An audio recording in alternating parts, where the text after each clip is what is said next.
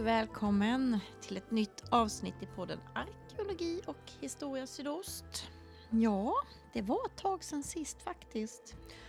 Och eh, nu har vi faktiskt tagit oss in i advent. För några av oss så betyder det adventsmys med pepparkakor och adventskalendrar. Medan andra kanske bara tycker att det är stressande och ångestfyllt.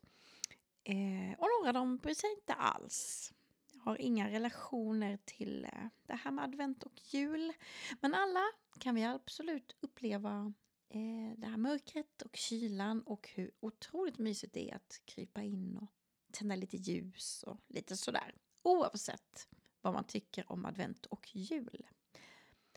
Och någonting som många gör under den här tiden på året det är att gå i kyrkan.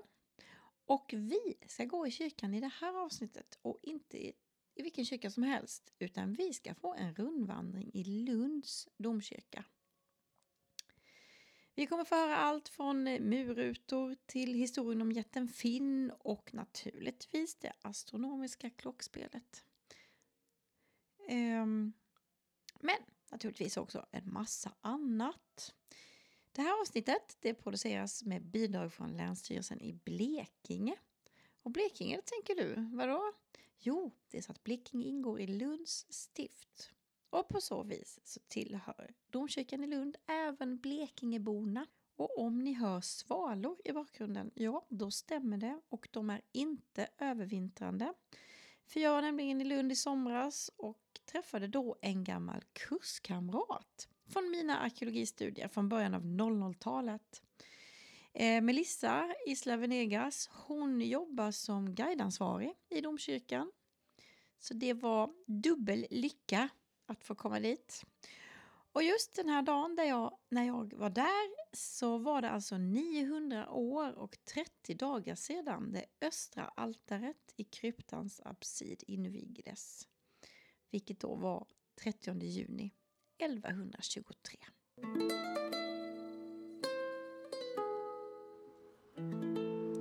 Det är en gammal kyrka. Det ja. växer mossa på Ja, jag vet. Eh, det, är, det växer lite olika saker. Ja. Eh, min favorit är murrutan. Så den har jag pluggat på. Murruta? Det växer murruta, Asplenia ruta muraris. Vilken är det? Den ser lite ser just rut, rombaktig. Den växer i kalk. Därför växer den på Öland och Gotland. Den växer inte på sandstenen utan den växer i kalkbruket emellan. Ja, ja, ja, ja det är det emellan. Den är en Men det är inte den vi ser här? Jo. Ja, är det den? Ja. Säg, vad heter den? Murruta. Murruta? Ja, den är på mur, muren liksom, ja, och är rutformad. Mm. Och som på latinet, eh, asplenia, jag har haft botaniken från Botaniska trädgården här, Magnus, pratat om. Eh, den har varit sån här örtmedicin för liksom njurarna och sen har man gjort något avkok av den förr då, förklarade han då. Okay. Eh, så att man har använt den till det. Så här i Lund växer den här och sen växer den på kyrkoruin inne på eh, kulturen. Okay. För att annars växer den ju där det finns kalksten naturligt. Så det är mest Öland och Gotland och lite här. Ja, så, så kan det bli. Ja. ja. så det, ja, men det kan komma folk med diverse intressen. Man tänker att det bara är Ja, men antingen om man är församlingsbo förstås, mm. eh, eller lite sådär historienörd, men det kommer ju allt emellan som vill kika på ja. Ja, diverse särintressen. Hon får med allt på något vis. Vi står precis utanför domkyrkan nu. Mm. Vad är en domkyrka egentligen? Ja, en domkyrka. Vi har ju eh, 13 stycken i Sverige, mm. eh, plus två egentligen. Ehm, men 13 stycken som har en biskop, det är det som är liksom domkyrkans ah, ansvar. Så att man, eh, varje stift är indelad i, eller Sverige är indelad i 13, 13 delar, 13 stift. Varje stift har var sin domkyrka. Och Blekinge tillhör ju Lunds stift. Ja, det är jag här! Ja. Så det är väl så bra så. Ja. ja. Så eh, Skåne och Blekinge har ju liksom alltid följts åt och mm. varit liksom Lunds stift. Lunds stift var ju jättestort kan jag ta om en stund. Eh, men sedan efter Roskildefreden och svenskt och hela den så har liksom Skåne och Blekinge alltid varit liksom, syskon där följts med och varit liksom Lunds stift. Så det här är ju eh, pluskyrkan. Man har ju sin hemmakyrka. Ja. Om man sitter hemma i Ronneby och Karlshamn och var man sitter. Så, och detta är bonuskyrkan helt enkelt. Som man har. Sin hemmakyrka och sin extrakyrka. Och det är domkyrkan. Det är en häftig vi ska- byggnad. Ja, ja det, det är det ju. Ja. Eh, och den är stor och fin och den är lite mörk. Det är sandsten. Mm. Eh, och det, Ja, när man kommer på håll så kan man nästan känna den är lite smutsig. ja, Ja. Ja, det är en Men- vanlig fråga. Ja. Och också ifall det har brunnit, om det är Ah. därför, eh, om det är sot och så. Mm. Men eh, nej, det har faktiskt att göra med eh, vad vi har, avgaser, vad vi har i, i luften. Då. Och då ska vi inte bara beskylla modern, eh, moderna avgaser och, för det. Utan det kom ju redan ganska tidigt, från när folk värmde sina hem helt enkelt med ved, alltså Med röken, Ja, smok och sånt här. Mm, mm. Så det tränger ju in lite i stenen ehm, och gör det lite svårare att tvätta. Så lutar vi oss mot väggen och hänger lite där så blir vi inte skitiga i kläderna. Nej. Så det går ju liksom- liksom att mejsla bort. Ja, ja. Men det kommer ju snabbt tillbaka för vad vi har i luften det har vi ju där. Så det skulle inte funka i praktiken att mejsla bort och sen efter ett par år mejsla mer och mejsla så då krymper ju byggnaden. Så vi får bara gilla läget med färgen då. Eh, helt enkelt. Ja, det är en ståtlig fin eh, domkyrka verkligen. Häftig. Ja, hon är så väldigt tydligt landmärke i Lund Mm. eh, med sina torn, med sin västfasad Ja. eh, som kallas ju för Lunnapågar, eller Lunnapågarna. Varför det? Eh, Påg från Skåne. Ja, ja, ja. Ja. Mm. Och Lunnapågarna som sticker upp. Jag har försökt vaska fram när man började med det men jag hittar inget. Och det har andra kollegor som har försökt. Och när började det uttrycket? Jag hittar inte riktigt hur gammalt det är tyvärr. Men det sägs lite i folkmun och så här ibland att det är Lunnapågarna. Och nu är det ju, konkurrerar vi ju med massor med moderna byggnader förstås som sticker upp i landskapet. Så, så att, eh, det har blivit lite sällskap om man ser eh, på Lund skyline. Men eh, mm, de sticker fortfarande upp. Och när torntaken renoverades förra året och plockades ner så blev det ju jättemärkligt att de inte stack upp längre. Just det. Så då fick vi ju jättemycket frågor om det. Eh, Men nu är torntaken uppe sedan mars i år. Ja. Så nu ser det ut som det ska. Yes. Ja. Då vill jag ställa den absolut vanligaste frågan. Nej, var den vanligaste? Nej, var är toaletten? Det Ja. struntar vi i. Men hur gammal är? För du pratar om 900 år. Mm. Mm. ja. Men vi, och det är den äldsta delen, Ja. kryptan då, som är 900 år och en månad. Men vi säger att domkyrkan, hon räknas som färdig eh, 1145. För det är då som högaltaret uppe i högkoret, när det då eh, vigs. Och då säger vi att, att den är då färdig för då har man ju liksom den, den centralaste delen, eh, den mest centrala delen färdig och klar. Så. Sen det är klart, exakt hur mycket som var färdigt då, det vet vi ju inte om man säger till västfasaden och detaljer och annat. Så. Eh, Men 1145 året vi säger, då är det klart.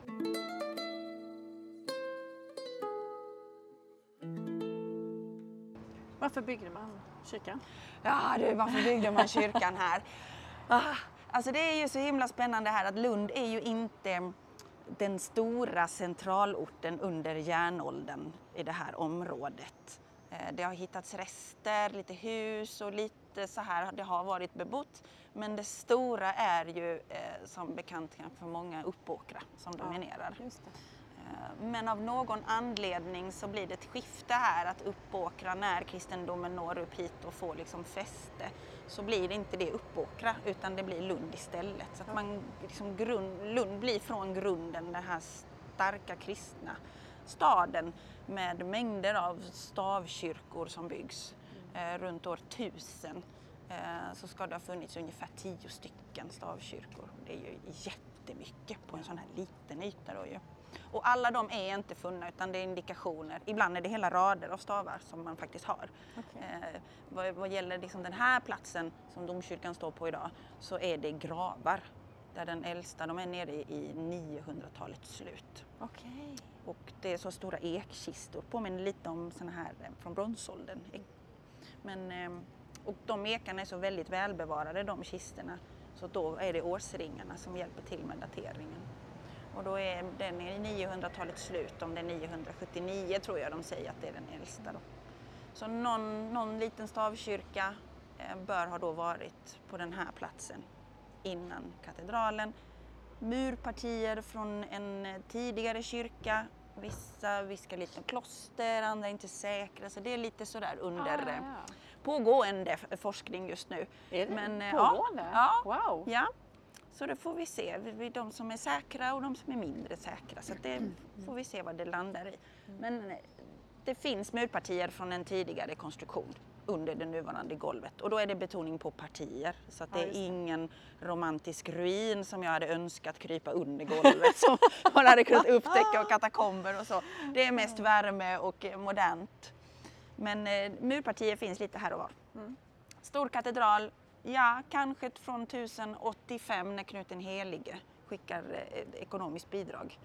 Ett donationsbrev för att hjälpa till att eh, finansiera bygget av den kyrkan som byggs i Lund åt helgonet Laurentius. Så det är första gången vi hör att det är en kyrka för honom här då. Och det är domkyrkans skyddshelgon än idag. Wow. Ett annat viktigt år är 1103 för då blir det eh, ärkebiskopssäte. Så biskop Asser då, som hade ett ansvar över ett mindre område i Danmark eh, är ansvarig över det en dag och dagen efter när det beslutet tagits så vaknar han upp och är ärkebiskop över Danmark, Sverige, Norge, Island, Grönland, Orkneyöarna, Färöarna ja, och ett par områden till. Så hela norra Europa blir då ett enda ärkebiskopssäte. Okej. Och eh, Lund, eh, det är härifrån det är då. Ärkebiskopen är härifrån. Och då ska det ju förstås finnas en maffig domkyrka för detta.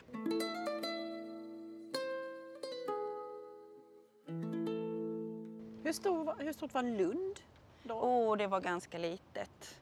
Ja, det kan inte ha varit många 1100-talet. och Sen kan vi vara uppe, för jag vågar inte säga hur många det var. För det var ju kyrkan som dominerade. Alltså så många kan man säga vanliga människor, hantverkare, de blir fler under medeltiden. Men annars är det ett litet geografiskt område med mycket åkrar och betesmarker runt i vad vi idag skulle säga är verkligen centrala Lund. Ja. Så det är ju inte tät eh, bebyggt på det viset utan det är ju plättar där det odlas och de olika kyrkorna har gravar och odlingsmarker runt och så. Så det är ingen tät stad direkt från början. Ett par hundra. De kan ha rört sig och levt här då ganska tidigt. Sen växer det ju fort. Där makten eh, sitter, dit vill alla. Ja, precis. Precis som idag. Ja. Där ska alla företag investera och bygga Ja. sitt. Det. Så det blir ju 27 kyrkor och kloster i Lund eh, på Wow! medeltiden. Det är en kyrkostad. Eh, Och Det är lite svårt att tänka sig det idag. När det är så mycket annat, universitetet och, och forskning och så. Men att det är faktiskt den stadens eh, identitet. Det är eh, metropolis. Här sitter ärkebiskopen, här sitter kyrkliga makten. Eh, och är en av, av norra Europas största och viktigaste städer under den tiden. Sen kommer reformationen och ändrar alltihop. Ska vi gå in? Gärna!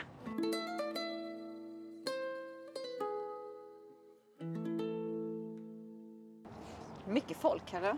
Ja, eh, det är det. Vi är ju mitt i, i högsäsongen som jag skulle gissa på att vi slår någon slags rekord i år. Det känns Så, som mer, eh, det känns som fler än tidigare somrar.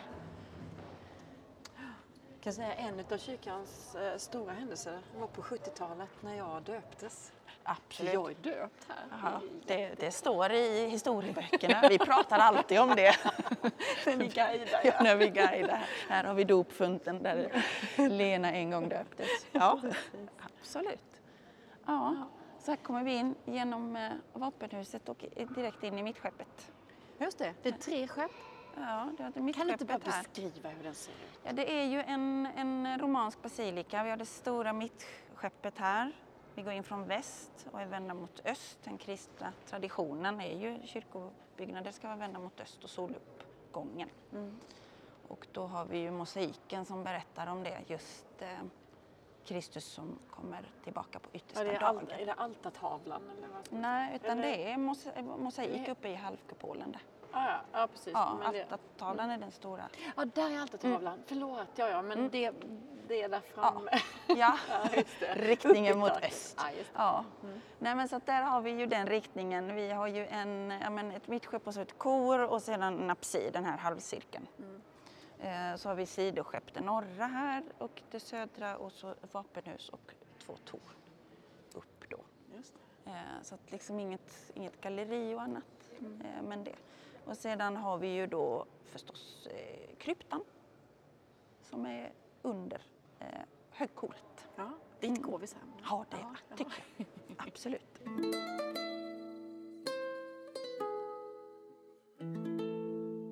Men var börjar man när man kommer in? Du håller ju guidningar. Hur? Ja, Ska vi ta en liten vi miniguidning? tar en liten miniguidning. Ja. Men vi har, ska vi se, nej då tar vi det om en stund. Jo, nej men vi kommer in och försöker få eh, besökarna, det är ju blandat. Allt från men, skolklasser som går igenom om det är medeltiden i Skåne eller sin stadshistoria eller så, konfirmandgrupper, eh, turister, eh, SFI-grupper för att få en introduktion. Vad är en, en kyrkobyggnad? Och, Så att vi det är allt. Och under sommaren turister så att vi har ju visningar på svenska och engelska varje dag hela sommaren. Eh, och då blir det liksom basic historia. Men när man turist utifrån så är det inte säkert att de har koll på att det här en gång i tiden var danskt. Eh, det är ju så att det är en av Danmarks äldsta domkyrkor eh, som det varit dansk. tid vi ja, pratar om. Ja, Ja. det har varit dansk längre än svensk hittills historiskt sett. Också katolsk katedral från början, ända fram till reformationen. Och det är ju ännu en gång Danmark, så det är ju ingen Gustav Vasa här inte. Nej. Nej. så det är den danska reformationen, nio år efter Sverige, 1536, eh, som berör historien här och i Skåne och Blekinge ju, som vi inte ska glömma. Eh, och det vi ser nu är ju den senaste versionen av Lunds domkyrka. Det blir liksom olika skal kan vi säga.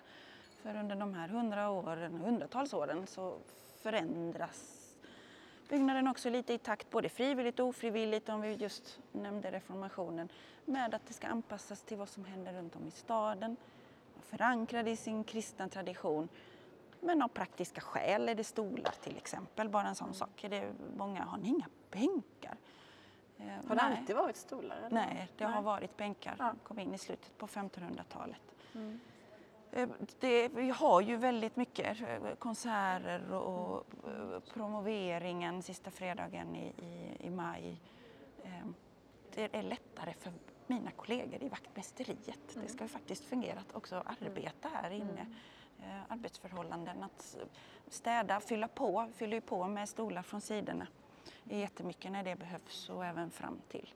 Och då tar bänkarna helt enkelt för mycket plats. Så de är sparade i magasin.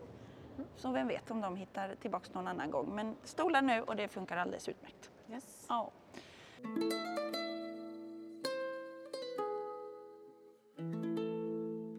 Men katolsk katedral, tre stora skillnader. Om vi ser oss runt eh, om i rummet idag. Till exempel så har vi då inga målningar på väggarna. Och det var det en gång i tiden. Ah. Mm. Och exakt hur de såg ut, eh, det vet vi egentligen inte. För att det har vi liksom Så ingenting på kvar de av. väggarna ja, allt. står här nu? Ja, och nu ser vi den här sandstenen från, från Hör. Ja. Skiftar lite i färg. Ja, alltihop är från Hör. Det är någon som räknade ut, vad är det, 67 000 ton tror jag, där man försökte Wow. räkna ut att det, det skulle vara att Jag har inte ens tänkt på att det inte är några väggmålningar. Ja. Och det, Nej.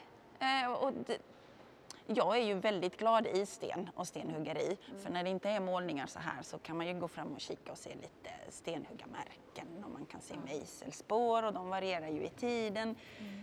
Storleken på stenarna som man högg ut, eh, en kvader, som ett sånt block heter ju, de varierar också i tiden.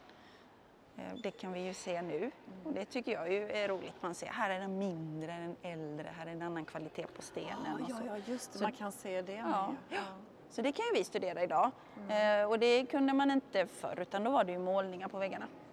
Och det eh, som är bevarat som finns på Domkyrkomuseet det är en rätt så stor Sankt Göran och draken. Det är den enda målningen som är kvar och som då plockades ner och, och finns på museet. Sen kan vi bara gissa oss till om vi jämför med andra medeltida kyrkor som har målningar kvar. Så säkert kanske bibliska berättelser, helgonlegender, det som kyrkan behövde och ville berätta. Mm. Som var del utav också eh, gudstjänstlivet och del av att kunna förmedla liturgin eftersom mycket var på latin, mm. som ju inte alla kunde. Och att detta var ju då innan eh, boktryckarkonsten kommer. Så att man har ju inte heller en bok än som man kunde läsa. Det är ju inte säkert alla hade. Det var ju en liten, en liten del i samhället som hade den möjligheten. Så alla våra målningar i alla våra kyrkor var ju pedagogiska verktyg. Mm. Helt enkelt. Mm. Stora bilderböcker som skulle berätta och det förmedla. Det har vi pratat om i podden någon gång förut. Vissa ja. kyrkor man har varit i där mm. man kan se. Ja. ja. ja. Då man har, har det. Och att man fick lära sig det, jag menar under livets gång. Och så kom, gick man in i en annan kyrka och så just det, det var därför den här triangeln, den här blomman, varför den personen är vänd åt ett annat håll än någon annan och så vidare. Så spred man ju det vidare. Då. Mm. Men det, eh, ska, det försvann vid reformationen. Mm. Målas över och ska anpassas till det nya. Och sedan eh, så målas det faktiskt senast på 1800-talets slut. Målar man här inne. Och då är det en dekormålare som också målade våra grannar här uppe i, i höjden. Norr om domkyrkan har vi ju Allhelgona kyrkan från 1800-talet. Och där samma dekormålare målade här inne. Och då var det ungefär från hälften av väggarna upp och sen upp på valven och valvkapporna. Och det var lite bibliska scener på valven och så här. Det, blev, det var lite mörkt. De ska ha spruckit. Eh, några ska ha ramlat ner i stycken. Så, så på 1950-talet så plockar man ner alltihop och lämnar det så här. Så det är egentligen en väldigt liten del av domkyrkans långa historia som man har sett väggarna så här. Och det känns rätt så ovant om man tänker på det. Tycker jag, ja, som alltså... är van vid att se det så här. Ja. det ska vara målningar, färger och som stör den vackra stenen, tänker jag, tänker jag i mitt lilla nörnområde. Jag tycker den är så vacker som den är.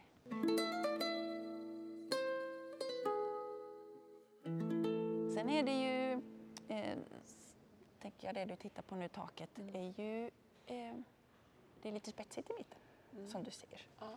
ja eh, och det är ju inte romanskt. Utan det romanska har vi ju i bågarna här bågarna, vid sidan. Ja. Mm. Och det är ju så att originaltaket från 1100-talet brann upp. Okay. Mm. Så det var ett trätak här från början mm. när domkyrkan var färdig. Och då vet vi inte exakt om det var öppet upp till nock eller om det var ett platt, kanske målat trätak. Det finns inte dokumenterat eller ingen har än i alla fall snubblat över den dokumentationen. Men vi vet att det brinner 1234. Okay. Och, eh, och anledningen vet vi inte heller.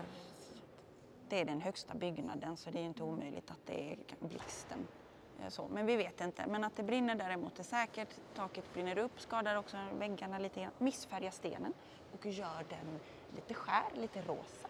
Som Jaha, du kan se till exempel. Ja, det kan man se i en båge där ja. ja. Och det kan man se vissa ställen, den stora delen där väggen Just det. överlag är lite så lätt, eh, lätt rosa. Så när folk frågar varför domkyrkan är mörk utifrån, om det har med någon brand att göra, så är det inte det mörka, men det rosa inne. Det rosa. ja, då blir de lite paffa. Mm. Ja. Nej, men och då är det det är därför de här valven i mitten är spetsiga, för att det är från 1200-talet med gotiken då. Helt enkelt det är det sättet man bygger på ute i Europa.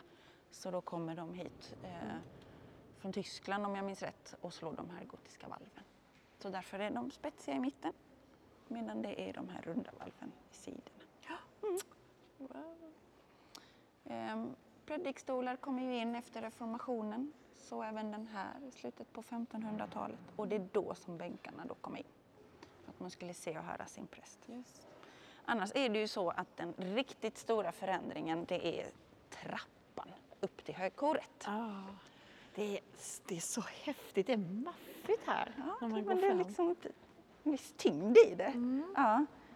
Hur många trappor? En, två, tre, fem, sex, åtta, nio, tio, elva, 14 stycken här. 14. Ja. Har det någon Det är betydelse? skillnad från... Nej, jag tror inte det. Nej. Faktiskt. Eh, nej, en av de kanske få, få sakerna som inte har en himla- betydelse. Det var det jag tänkte nu. Nu är jag säkert. ska jag räkna. Jo, 14 från, det är exakt två veckor som... eh, nej, nej, det tror jag faktiskt inte. Nej. Ehm, nej, det är ju så att det skulle ju inte vara en trappa här från början, för här fanns det en stor mur som delade domkyrkan i två delar. Okej. En lektoriemur. Aha. Och vad Mm. betyder det? Det är att den här delen, högkoret, var för, eh, för prästet. Medan den delen, det var för eh, menigheten, för folket som kom in eh, och bad. Så då här fick man inte gå om man inte var präst som jobbade här. Och då var det katolskt, så inga kvinnliga präster. Så det var ju faktiskt en kan man säga, manlig dominerande eh, del, eh, högkoret. Så de riktigt stora skillnaderna är ju just att den här muren delade domkyrkorummet i två delar. Det var öppet upp till valvet så man kunde höra bön och sång. Det gick liksom över. Aha, så Mm. de satt eh, lite i blindo där nere då? Eller? Ja, detta eller? var ju då innan man satt. Ja, ja. Mm. Innan reformationen. Och muren var ju, det stod ett altare framför muren också så att man stod inte och stirrade in i en, i en grå sandstensmur. Ehm, Men så hade de ju 65 altaren till där ute. Mm. Så att det var ju inget, bara för att det inte fanns bänkar så var det inget stort tomt eh, ekande rum. Nej, Utan det var 65 altaren drygt. Men, men vad, vad gjorde man? Alltså 65, Mm. stod folk Ja, ibland. Eller hur Mm, man kunde ju komma och be själv vid Ah, altaren. ja, Vid ja. de större kyrkliga högtiderna så eh, hade man ju liksom gudstjänst och man hade ju en präst som rörde sig eh, lite delvis kunde det pågå mellan Mm. på andra sidan muren och på framför lektoriemuren. Mm. Eh, men framför det här det större altaret Mm. vid mur. Och de här 65 altaren de kom ju lite pö om pö kan vi väl säga under medeltiden. Mm. Så det är inte så att från eh, 1145 när domkyrkan är färdig så eh, eh, kom alla på en gång. Utan de placeras ut, den danska kungen donerar, sen går Mm. han ur tiden och då vill minsann den andra danska kungen också donera sitt altare. Vet. Så då doneras det Ah, lite ja, adel och lite ja, biskop. okej. Och så är de lite överallt i varierande storlek och så. Stora målade träfigurer figurer förstås. För det är helgon som altaret var vikt åt. Mm, mm. Ehm, Så eh, ja, och då, eh, så det är ju en helt annan rörelse. Nu bestämmer ju sittplatserna Mm. hur vi går. Ja. Eh, Ganska rakt är det ju faktiskt i mittskeppet. Medan de här stod ju lite så. Det ska ha stått... Även stod de utanför mittskeppet också? Ja. Alltså, det var ju Ja. hela... Mm. Mm, det var som ett torg nästan man kunde röra sig Ja. runt. Eller?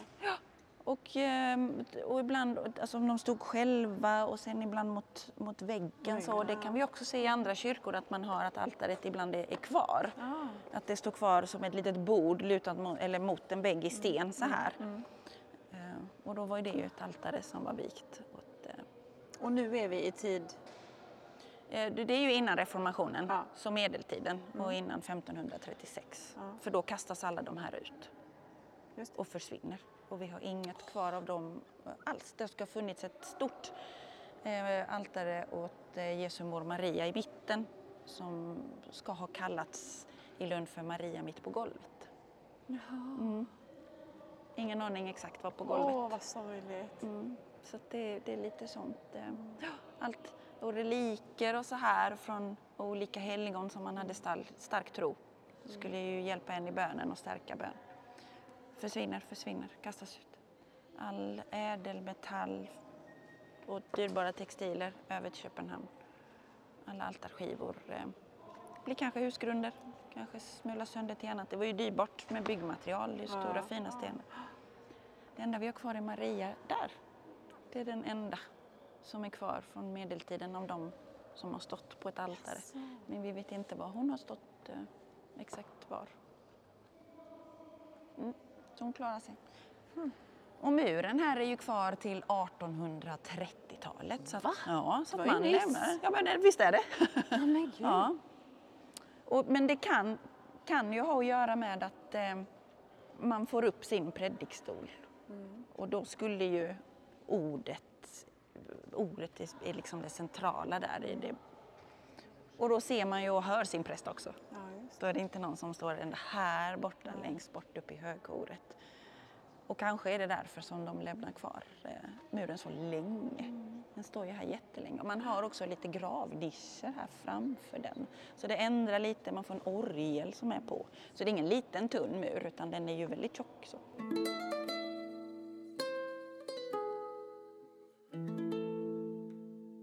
Det som liksom ändå, när, när man kommer in i en kyrka så känner jag så här, åh, det är liksom vin, vingslagen och Ja. man, man vågar inte röra något och att allt ska vara som det alltid varit. Mm. Men kyrkorna känns generellt som att det har bara ändrats och ändrats. Ja. Eh, Ja. Alltså, Och det är ju det som är det spännande eh, just med eh, våra kyrkor, för det är ju ett aktivt kulturarv. mm.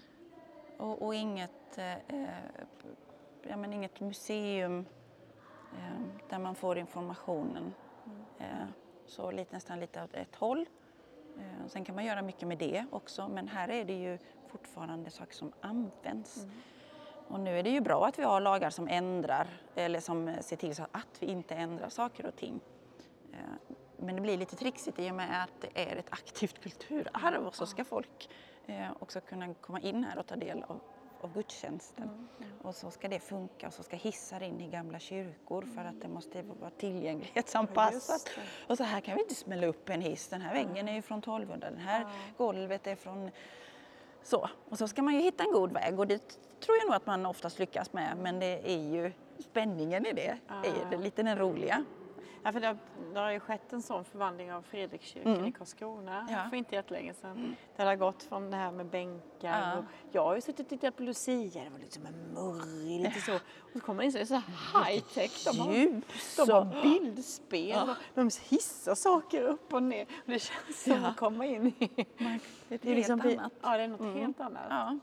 Ja. Det har liksom ändå ja. hängt med och Ja. nu används ju kyrkan då väldigt mycket. Ja, och det måste den ju också göras. Eh, och vi kan inte annat, alltså det är ju framtidens lyx att kunna döma oss. Ja, vi kan det. inte göra någonting annat än vad vi tycker är det bästa. Mm, Eh, och sen får, vi det ju, får ju framtiden helt enkelt eh, eh, säga där, var det bra, var det dåligt? Men det kan ju inte vi göra nu, man vill ju använda Ja. kyrkorummen.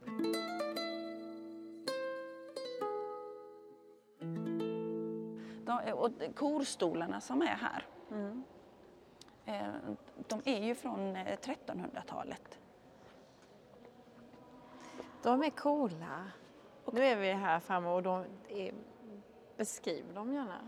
Det är ju två rader av eh, alltså rader av bänkar i trä fast de har ju de här lite mer armstöden men det går inte riktigt att luta armen mot eftersom de är ganska höga, går upp till axeln. Det är trä, om jag minns rätt så är det ek. Det ser ut som ek, ja. sniderier, rikligt med sniderier. Eh, De går hela vägen upp i, i högkoret ända fram till, eh, till öst. Jag tror det är drygt 70 platser va, om jag minns. Kan det vara så många? Nu hittar jag på. Och här, de har haft färg på sig. Jaså? Mm. Det är lite blått kvar, bland annat den här borta. Och Den där, men då får man så här eh, gå med ficklampa och så. nu Här ser man nästan lite... Då finns det, där har falkarneraren eh, färg med lite, lite blått.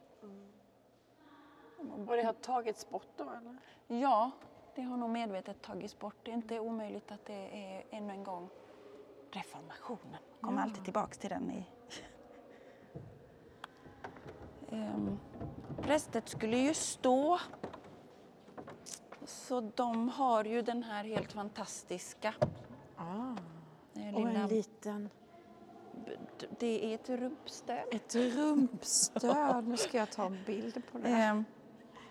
Att det är en sån här liten barmhärtighetsgest detalj som har ett sånt här vackert latinskt namn, ett misericordia. Okej. Då stod man här Det och får- blev lite får man trött. Jag kan nog försiktigt se om den är där, men den ser ut att... Visst. En- Får så man det gå upp här snål, egentligen? en s- s- s- Ja. Nej, Tekniskt ja, sett så står du fortfarande upp Ja. och följer... Eh, Fast det är nog att man kan ändå, ja, alltså lite så. man kan bli trött av att stå i två, tre timmar. Mm. Och då kunde man eh, få lov att använda dem. Så det har korstolar. Eh. Oj! Smack. Och viss snideri är väldigt tydlig. Ehm, med skapelsen, det finns en jättegullig ark här borta, väldigt tydlig sån Noas ark. De tolv månaderna finns representerade. Det medeltida livet eh, var ju så oerhört mer sammanflätat med kyrkoåret Ja. om vi jämför med idag. Förstås, alla fastade och förberedde sig inför påsk. Och, eh, så att det, det är inte så konstigt att vi hittar just någon som är ute och går med grisar och sådär. Det finns lite så detaljer där. Eh, Jaså? En sån här bonde som går någon med en liten kruka och så här. Eh, så Men som det träet jag tar på här nu då är Ja, har man använt, använt här i, sedan 1300-talet. 1300.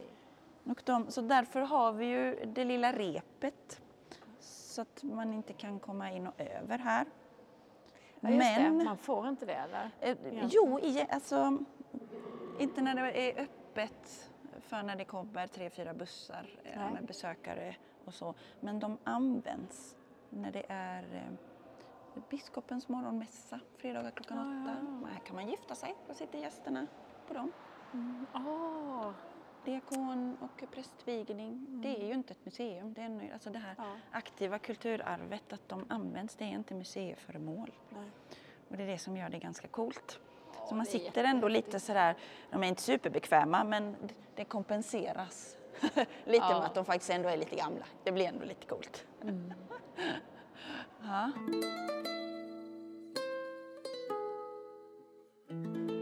Ja, men, och det här eh, fantastiska altarskåpet Ja. ju.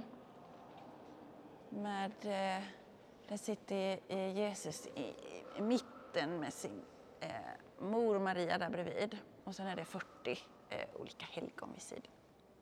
Och det doneras till domkyrkan. Det är en sån här eh, fantastisk berättelse. Den kommer till domkyrkan i slutet på 1300-talet, om det är 1398 tror jag. Och den doneras av en kvinna som heter fru Ide Pedersdotter Falk till Gladsax. Så ute i Gladsaxehus eh, bor hon och hon eh, sitter med en, en enorm förmögenhet efter att eh, hon blir änka och hennes döttrar lever inte till vuxen ålder så hon har ingen som kan ärva förmögenheten. Och då beställer hon det här altaret, donerar det till domkyrkan för att man alltid ska be för hennes döttrars själar. Ah. Lite vackert. Ja, men och så står det fortfarande här. Jag t- tänker jag som själv är mamma. Denna sorg att förlora barn och att hon lägger så mycket möda och besvär och då pengar för det här altaret så att man alltid har det här f- för hennes döttrars själ. Det är något visst med det. Ja, verkligen. Och Vilket- tidigare, Vilket år sa du? eh, 1398 tror jag det ska. Mm. Men om du tjuvkikar lite på figurerna så är s- varierar de lite i stil. Ja.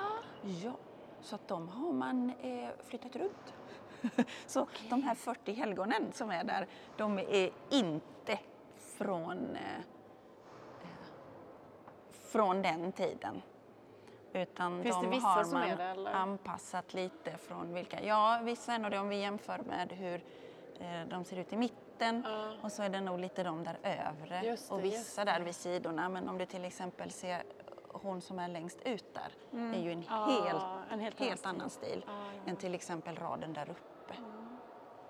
Så det är, och det är dokumenterat, inte exakt vilka och hur, men det finns att jo, vid vissa tillfällen så har man bytt helgon från andra altaren Ja. och fyllt ut där det kanske har saknats. Sedan var det lite på mode med helgon också ju, så att vissa var ju under vissa perioder Ja, ja, ja, lite kanske mer hypade. ja. just det. lite som idoler förstås om vi jämför med en modern eh, företeelse. Eh, och då kunde man också byta med andra altarskåp. Och det Ja, hon var ju mycket mer som en, en sån eh, supermodell. Alla Det är lite 90 dock, ja, ja, 90-talet. men håret och kroppen, ansiktet är Ja, helt sig annat. lite mindre, mer nimt. Eh, armen som går ner, knät som sticker fram där med tyg över. Och så tittar man rakt upp och där är det ju ett helt annat Ja, den kvinnan, den kvinnan där är också. Ja, ja visst. Den Jättestor dog skillnad. över.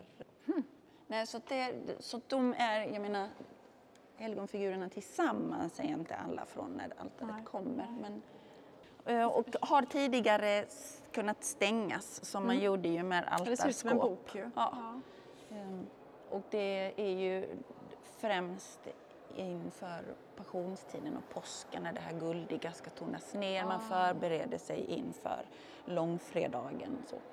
Och sedan så öppnas ju skåpen upp, man visar upp guldet och kan fira att Kristus har återuppstått på tredje dagen. Så då blir det ju också som en större effekt med det. Vi kan inte stänga den. Den är lite för gammal för det. Men den täcks över med ett, eh, ett tyg, ett velum över. Ja, ja, ja. Så att det finns en liten stege som eh, vaktmästeriet ska eh, täcka den med helt enkelt.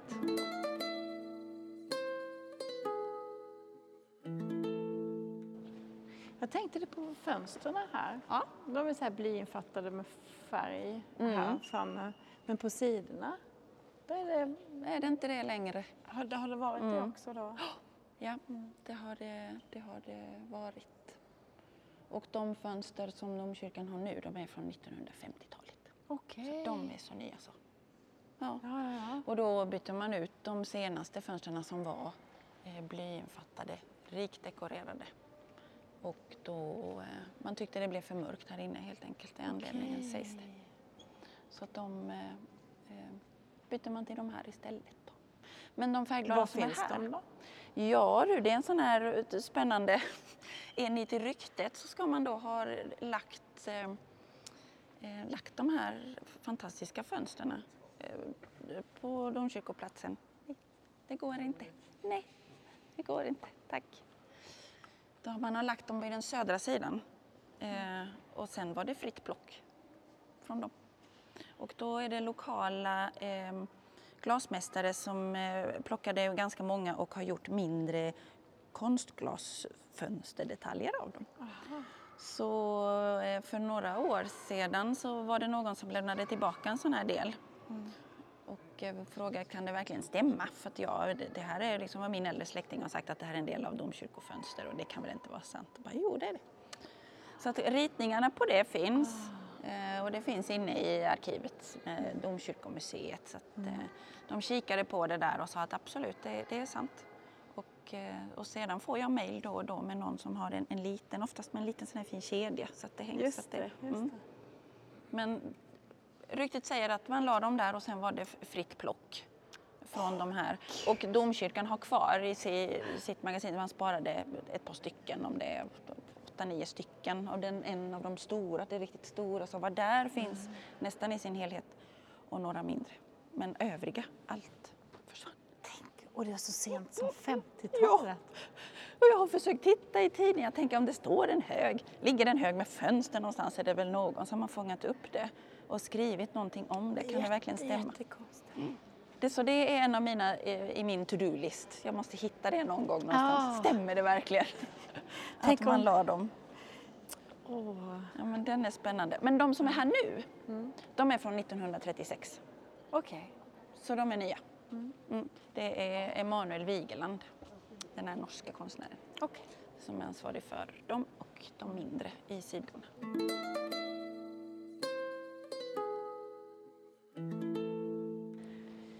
alltså, det finns ju ofantligt mycket. Jag tycker vi går ner i kryptan för Ja, det, är, det är många vi. alltså, fina detaljer och så här men det jag tycker vi går in och känner. Ja, det vi. känner på kryptan. Mm. Nu? Här är vi i Lunds äldsta rum. Ja. Ja. Eh. Och jag tycker ju den är helt fantastisk. jag tycker det är helt otroligt att det, det är öppet och att man får komma ner här och kika runt och kolla. Och nu har I vi en ålder av 900 år och en månad. 900 år och en månad. Mm. På söndag, exakt. Beskriv Så, snälla eh, hur, hur det ser ut. Här har vi då ett rum under högkoret. Man går ner en trappa. Det är krypta är ju ett hemligt rum från det grekiska kryptos. Något ska vara lite så dolt, lite dunkelt. Du har mindre valv med fina kolonner. Vissa är ju rikt dekorerade med snideri och, och former. Kapitäl och sen så börjar valvet upp Den följer ju lite grann hur domkyrkan ser ut upp till. Så att längst i öst så är det den här halvcirkeln. Så att vi är ju under apsiden nu. Eh, Och sedan har du då det längre partiet som går norr-söder. Ehm, Och här ser det ehm, i mångt och mycket ut ganska likt. Det är lite skillnad. Golv och annat kan vi ta om en stund. Det har ju ändrats och så här. Men det vi firade då 30 juni nu i år, det är vigningen av altaret. För när alla andra altaren kastas ut vid reformationen och man ändrar och anpassar till det nya så får den här eh, stå kvar. Okej. Så tre altaren nog eh, har stått här nere också som försvinner. Men det här är originalaltaret. Du har altarskivan som vigs då sista juni 1123 som har varit i det här rummet sedan dess. Det är helt Ja, men galet. jag blir helt så varje gång. Du jobbar varje dag. Och ändå blir jag så där risig varje gång. Ja, jösses, man är lite... Ja, alla är vi intresserade av olika saker, men det här, ja, nej, men det gör någonting. Och vi som precis kommit ut ur en pandemi som där och då kändes evig, det var ju bara år in och år ut. Ja. Och det är inte första pandemin som den står här. Alltså på 1350-talet och alla vi läser om Digerdöden. och, det, och så. Ehm, På 1700-talet kommer pesten igen och spanska sjukan tror jag till Lund kommer den väl mitt när universitetet ska fira så här 250-årsjubileum så här hösten 1918 så dyker spanska sjukan upp här då och förstör hela deras planer. Och, och härifrån sen spelades det in, kollegor som spelade in bön som lades ut på Facebook och social media som många andra eh, kyrkor gjorde.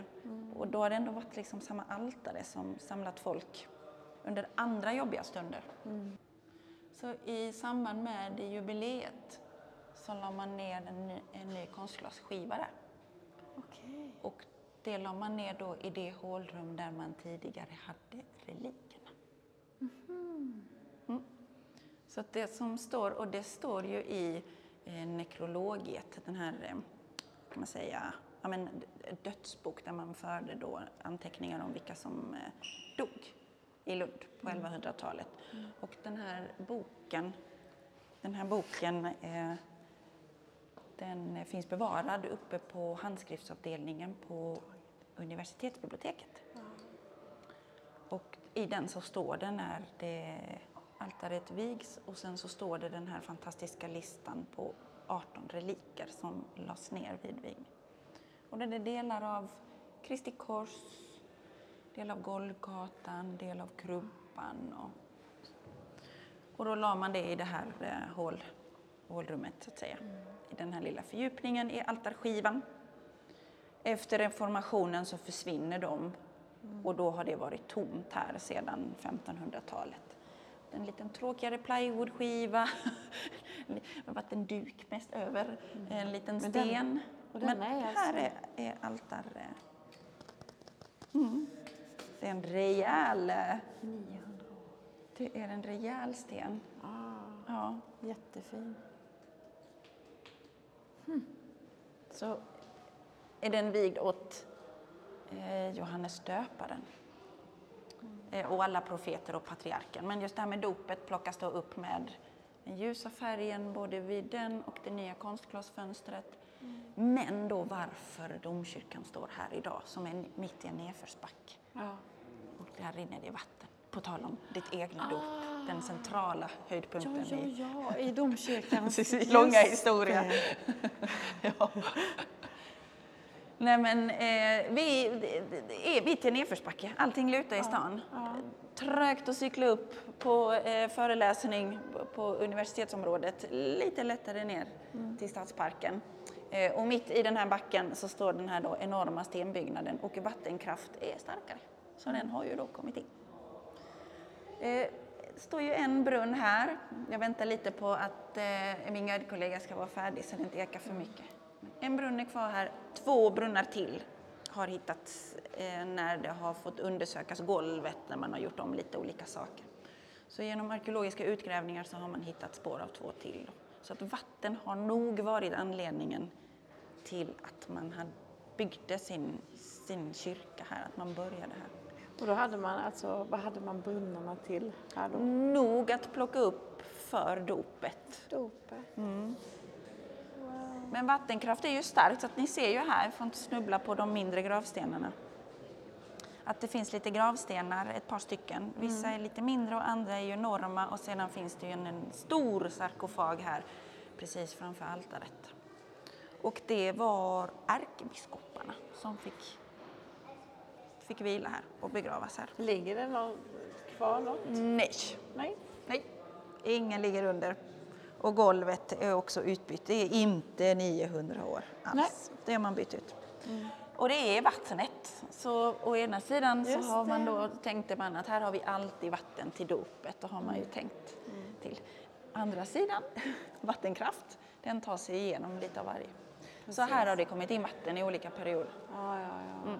Såklart. Och då blev man till sist trött på det och återbegravde alla på Norra kyrkogården i Lund.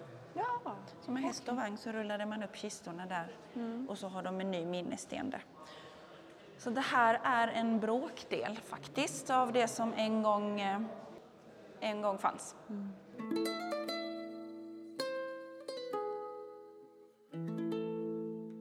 Men bredvid här, eller ganska nära Önskebrunnen, så står ju kanske vår absolut största kändis. Just det. Mm. Och det är ju jätten Finn. Jätten fin, ja. Ja, och enligt sagan så är det han vi har att tacka att det står en domkyrka här. Det är han som byggde alltihop.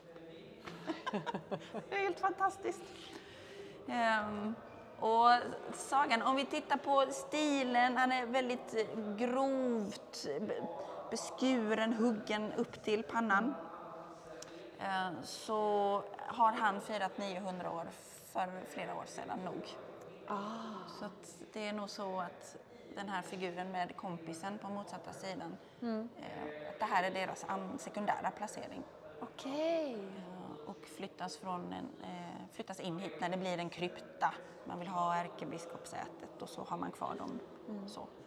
Eh, Och då säkert om man tittar på hans hår tolkas det som sju flätor i Gamla Testamentet så hittar vi då Simson och hans styrka sitter i hans sju långa flätor. Så att Det den visste här... inte jag. Jag trodde det var bara ett troll.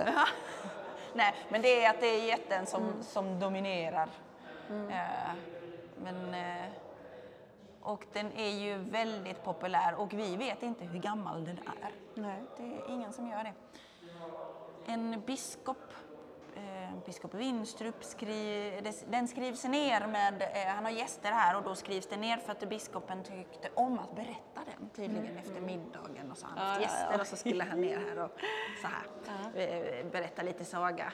Men, eh, så den skrivs ner på 1650-talet. är nog den äldsta, eh, 1560 där med en gäst till honom. Och, då, och det är den äldsta som vi har. Men då är, skrivs det ner att det är den här Man berättar den till den här sagan och ingen vet hur gammal, hur länge man har hållit på med det. Och han är idag, så tror jag nog att vi är ungefär lika långa. Det är nog 90 någonting han, sådär, om man ställer sig. Så att, om man ser till storleken på jättar så är han idag av det kortare slaget. Ja. Ibland lite av en besvikelse för, för barn. Vi, under våren är det ju många som åker på, eh, många skolor som åker på Skåneresa. Det är ju helt skolan som organiserar det. Men det är historiska platser som ska besökas. Man besöker, eh, bland annat tror jag de är Glingehus, Sollestenar, ibland kommer man från andra hållet och har Kärnan och Citadellet och så. Då stannar de och tittar på eh, jätten Finn. Och då eh, så har ju deras pedagoger sagt i bilen att det står en jätte i kryptan och sen så kommer man in hit och så är man 8-9 år och bara Va? Vilken besvikelse. Men han var ju enorm, bodde i den kullen, i höjden där. Ja, ja, ja. Eh, och bygger kyrkan åt en präst som kommer hit och ställer sig på kullen och predikar. Och då samlas ju folket där. Så sagan säger att jätten kliver ut när han får nog och ber prästen och folket att dra. Och då förklarar de att vi har ingen kyrka att vara i och då erbjuder sig jätten att bygga en kyrka åt dem. Men han gör det inte gratis, han vill ha solen och månen. Det går inte att plocka ner. Så då eh, ändrar han sig och ber om prästens båda ögon. Men om prästen kommer på hans namn innan domkyrkan är färdig så ska han då få behålla sin syn och så får han en hel domkyrka att, att vara i och en kyrka till stan. Men eh, så jätten går igång. Prästen står här och ropar alla namn han kommer på. Väggarna växer, domkyrkan tar form, eh, form men alla namn är fel. Så sagan säger att eh, precis innan domkyrkan blir färdig och prästen då tror att han kommer få offra sin syn och han vandrar upp på höjden för att få se kanske Lundaslätten för en sista gång, kanske solnedgången för en sista gång. Men då börjar jättens fru Gerda att sjunga för att natta deras son. Och i den här sången så avslöjar hon jättens namn och det hör prästen. Så då sjunger hon någonting i stil med Sov barnet min, för imorgon kommer din far Finn med prästens båda ögon. Så då rusar prästen ner, ställer sig här och ropar Finn, Finn, sätt den sista stenen in. och det uppskattar inte jätten, så som vi ju vet, eller hur, så är jätten magiska. Så med all sin magi så trollar han sig liten, rusar ner här, tar tag om den största stenen och börjar skaka. Han ska skaka ner alltihopa, glömmer bort att skynda hem innan solljuset går upp. Så från öst kommer de första solstrålarna in i kryptan, träffar jätten och förvandlar honom till sten. Ja, oj, oj, oj.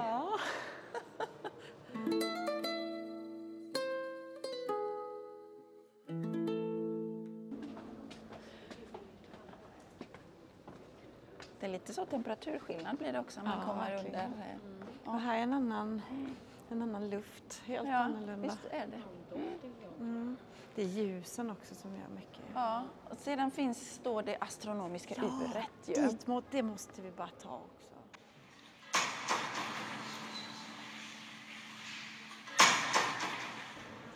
Efter kanske Finn så är väl den också bland, eh, bland de här eh, ja, men detaljerna eller sakerna som många vill på något vis ha sett. Ja. Ja. Nej, så det här är ett astronomiskt ur. Och eh, nu när jag tittar på klockan så tror jag nog att det alldeles strax fylls på med folk. Sommartid vid 12 innan det spelar brukar det vara ganska mycket besökare. Ehm, och den är ju den enda i sitt slag i, eh, i eh, Skandinavien. Ja. Eh, Men den har eh, ett par kusiner, kan vi kanske kalla det. Men det finns ju fler astronomiska ur i norra Tyskland framför allt. Varför står den här? Ja, du, väldigt bra fråga. Varför gör den det? Vi vet inte vem som beställer den. Den äldsta delen, trämaterialet igen, säger att det är ek från Polen som högst ner 1420. men det finns plötsligt så står den här, finns det som dokumentation. Så det står inte vilken ärkebiskop, vilken adel, vem som... Så, nu vill vi ha detta här. Det har vi faktiskt inte, utan den är här. Det kan väl förstås ha att göra med att det är ärkebiskopssäte. Mm. Det är väl inte omöjligt. Eh, men det är Hansaur har de ibland också kallats i och med att det är just under 1400-talet. Vi har norra Tyskland som dominerar sjövägen. Då har vi hoppet liksom till Lund. England är det också dokumenterat två stycken sådana här astronomiska ur. Så det är kanske liksom ett stråk där längs med vattnet. Om det är så. Eh, men det här, på den här placeringen, för nu när, man, när vi kommer in i domkyrkan så står den ju direkt till norr om. Från början så stod den på andra sidan, på södra sidan, i ett par hundra år och plockades ner på 1800-talet. Okay. För då renoverar man ju domkyrkan ganska omfattande invändigt och utvändigt. Först 1923 återinviger man den. Så att nu i höst så är det 100 år sedan som den byggs och har stått på den platsen. Ah. Så då har man gjort om en hel del. Mm. Eh, så att den är inte helt intakt och orörd under de här hundratals åren. Man har gjort en hel del. Den är ju i, i, två delar och sen har den ju en central del. Så att den övre delen är ju urtavla. Ja. Eh, som vi har vid cirklarna där. Medan den nedre delen och cirkeln där är en kalender. Och kalendern är från 1923. Och så har den 200 år. Så nu är vi halvvägs. Ja, ja, ja, just Ja. det med. Ja. Jag var faktiskt i, i Rostock för ett par år sedan, för där har de också i Mariakyrkan ett astronomiskt ur. Eh, och de var de inne på sitt sista år, så de hade en sån här färdig som vi fick titta på, en kalenderskiva som de skulle byta då vid årsskiftet. Så jag tänker att en framtida kollega om hundra år kanske får, får göra det. Ja. Men vad berättar den? Den, berättar ju, den övre delen berättar var vi har solen och månen över eller under våran horisont. Mm. Så därför visar den nu, eh, om vi kikar på våra klockor, så går den ju en timme efter och det är ju för att sommartiden är ju påhittad. Just det. Så det kan vi inte ändra eftersom solen och månen den ska ju visa vad vi har dem, eller vad vi är i förhållande till dem. Mm. Så att du har solvisaren där uppe och sen nästa visare med en silvrig kula är då månen. Den går runt sin egen axel. Det tycker jag är lite coolt. Wow. Så den visar ju lika mycket och lite av kulan mm. så som vi ser månen. Så att nu när vi är på väg mot fullmåne så håller den här svarta delen på att flytta sig mer och mer för varje dygn tills den är gömd bakom. Och det är den när vi har fullmåne. Och sedan kör den igen för varje månad. Så. Runt sin egen axel och runt urtavlan. Och, eh, och sen slåss ju riddarna på toppen varje hel timme. Så att de höjer sina svärd och hugger mot varandra lika många slag som klockan slår. Nej! ja. Eh, och det gör de oavsett vad som händer här inne. Så det kan vara mitt i gudstjänst, eh, mitt under konsert, mitt under ett firande, mitt under skolavslutningar i juni när det, vi stänger och går hem på nätterna. Varje hel timme så hugger de då. Ah. Så det är det ingen som vinner va? Nej. Och de har olika färger och symboler. Det är för att de är varandras motsatser. Det är den eviga kampen mellan motsatserna. Kampen mellan dag och natt. Och jag tyckte jag såg så här blått och gult och lite mm. vitt och jag tänkte danska och svenska. Och jag tänkte jag ska inte säga det.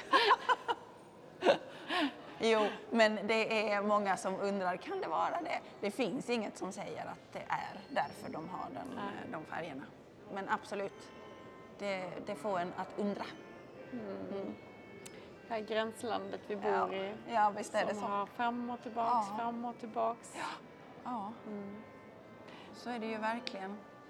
Det kommer ut en liten procession i mitten av allt, för mm. i mitten på uret under en liten guldig stjärna så är det en staty som föreställer då eh, Jesusbarnet i knäs hos sin mor. Ja. Och de firas varje dag 12 och 3.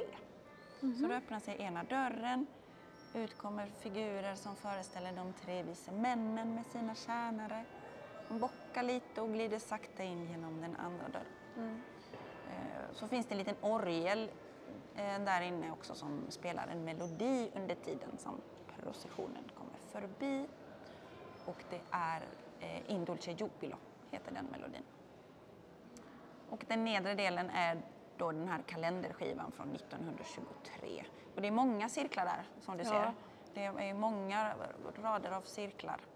Och det är för att allt vi behöver under 900 år ska vara med. Så här finns en, en cirkel som är bara åren, en cirkel som är eh, ja, månaderna, veckodagarna, de kristna högtidsdagarna, namnsdagarna. Vi kan se vår, höstdagjämning, sommar och vintersolstånd. Skottår är det nästa år, så alla Ja. skottåren är med. Så kan man också se. Namnsdagarna är ju lite, eh, de stämmer ju inte med kalendern idag eftersom man satte in den här på 20-talet och vi har ju bytt. Just det. Ja. Så, så det är väl det som inte, inte stämmer. Men alltså påsk som är en sån här som rör på sig, så står man här och tänker när är det längre fram i tiden så kan man då plocka fram ett år och räkna ut det. Nu ska vi se, vad är vi då? Är det... Den pekas Där. ut, ja. Så det är det enda vi får hjälp med att hitta, det är dagens datum. Ja, ja, ja. Mm. Eh, sedan får vi inte hjälp med så- mycket annat. Men dagens datum visar den. Och den här lilla statyn, figuren där, träfiguren med ett långt vitt skägg som sitter lite sådär eh, med benen upp. Och han har ett timglas vid sidan där som du kanske ser. Och den här pekpinnen. Det var lite mode med de antika gudarna vid förra sekelskiftet. Okej. Så vid den renoveringen eh, på 1920-talet så tyckte man att ska vi inte ha eh, titanen Kronos i den grekiska mytologin? Han passar väl här för tiden och pekar på. Ja, så då satte man in honom där. Ja, så där sitter han och pekar på, på tiden. Så skivan gör ett litet hopp, runt tre tror jag det är, på natten. En liten, liten rörelse, så imorgon kommer han peka då på nästa datum och sen nästa och sen hela då året runt. Hur, hur, alltså, hur funkar mekaniken? Är det någon som har dragit upp den? Ja, precis. Vi har en person som... Nej. Eh, det är ju det som man uppdaterade